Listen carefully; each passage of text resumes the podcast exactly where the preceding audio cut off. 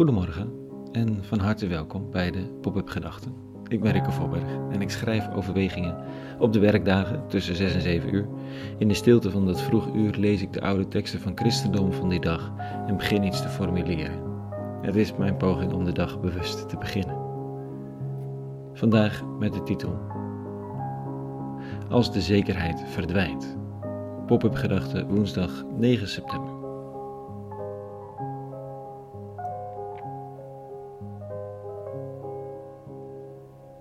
Gisteravond praten we nog even na in Den Haag, keurig op anderhalve meter. Zojuist had de troonbede, kroonbede, plaatsgevonden. Een initiatief van de Haagse kerken om voor overheid en politici te bidden. Ze hadden me uitgenodigd om te spreken over de verantwoordelijkheid die een overheid ook heeft. Het werd een vrij indringend verhaal over de onontkoombare en ononderhandelbare drieslag waarin elke regering, elke overheid, misschien wel elk mens met invloed, volgens de oude teksten wordt afgemeten. Het is niet de vraag of ze de economie draaiende hebben gehouden, of er goed coronabeleid is uitgerold, niet eens of er vrede was in het land. Allemaal belangrijk, in meer of mindere mate, maar de enige vraag die de eeuwen gesteld is dit. Heb je bij elke beslissing het lot van de wees, de weduwe en de vreemdeling op het oog gehad. De economisch en maatschappelijke machteloze en rechteloze. Waarom? Want die zijn van mij, zegt de eeuwige. Oh, en je bent het ten diepste zelf als je even beseft hoe wankel de basis is van je zekerheid. Hoe veilig je je waant, terwijl die veiligheid ook zo in rook kan opgaan. We praten na over de crisis van deze tijd. En dat is niet per se een vrolijk stemmend gesprek. Klimaat natuurlijk. Maar de crisis van de democratie, de kloof in de samenleving, destructief populisme, eerst verlies van geloof. Maar goed, die secularisatie leefde nog niet direct problemen op. Behalve dan een diepe identiteitscrisis in de kerken, en dat is niet per se ongezond. Vertrouwen op de wetenschap, als vaste universele basis van een redelijk menselijk gesprek. Maar de wetenschap heeft zich ondertussen bij religie gevoegd in het verdomhoekje. Je moet het maar net geloven. En waarschijnlijk is het links of beïnvloed of een poging om je te hersenspoelen dan wel voor een karretje te spannen. Oh, media zijn ook besmet.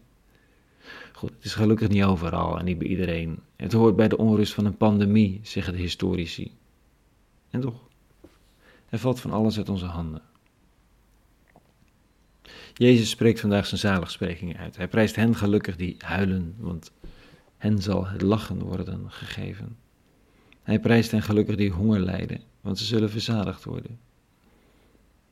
Nou goed, we zullen best wel eens huilen met elkaar en honger lijden, maar de rijkdom past natuurlijk veel meer bij ons. We zijn een van de rijkste landen van Europa. Verzorgingsstaat, staat werkloosheid redelijk onder controle, opleidingen beschikbaar op hoog niveau en ga zo maar door.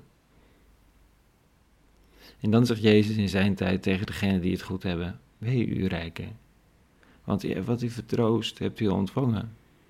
Wee u die nu verzadigd zijt, want u zult honger lijden. Wee u die nu lacht ook, want u zult klagen of wenen.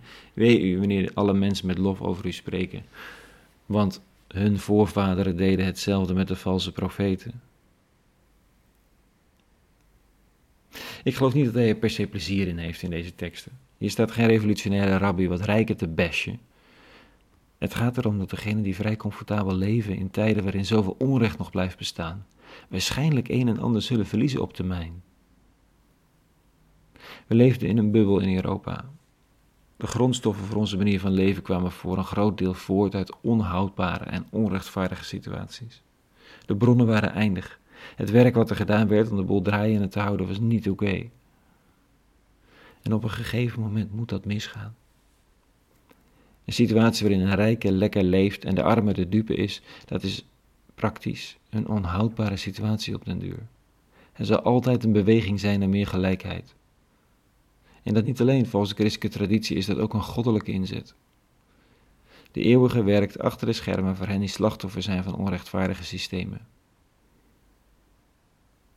Had Europa, het rijke Westen, de eeuwige dan tegen zich? En waarschijnlijk op heel veel punten niet, er ging heel veel goed. En toch was de situatie ook voor de Europese rijkdom onhoudbaar. En iets verliezen is soms moeilijker dan het nooit hebben gehad. Zekerheid, veiligheid, welvaart. Het is toch niet zo eenvoudig om in groeiende onzekere tijden te leven. Bij ons, zou ik zeggen. En tegelijk leert het ons huilen omdat het er misgaat. Hongeren naar gerechtigheid, met lege handen staan en hopen. Oh, en aan hen zal gegeven worden, zegt Jezus. Zalig zij. Tot zover vanochtend. Een hele goede woensdag gewenst. In en onder alles vrede gewenst. En alle goeds.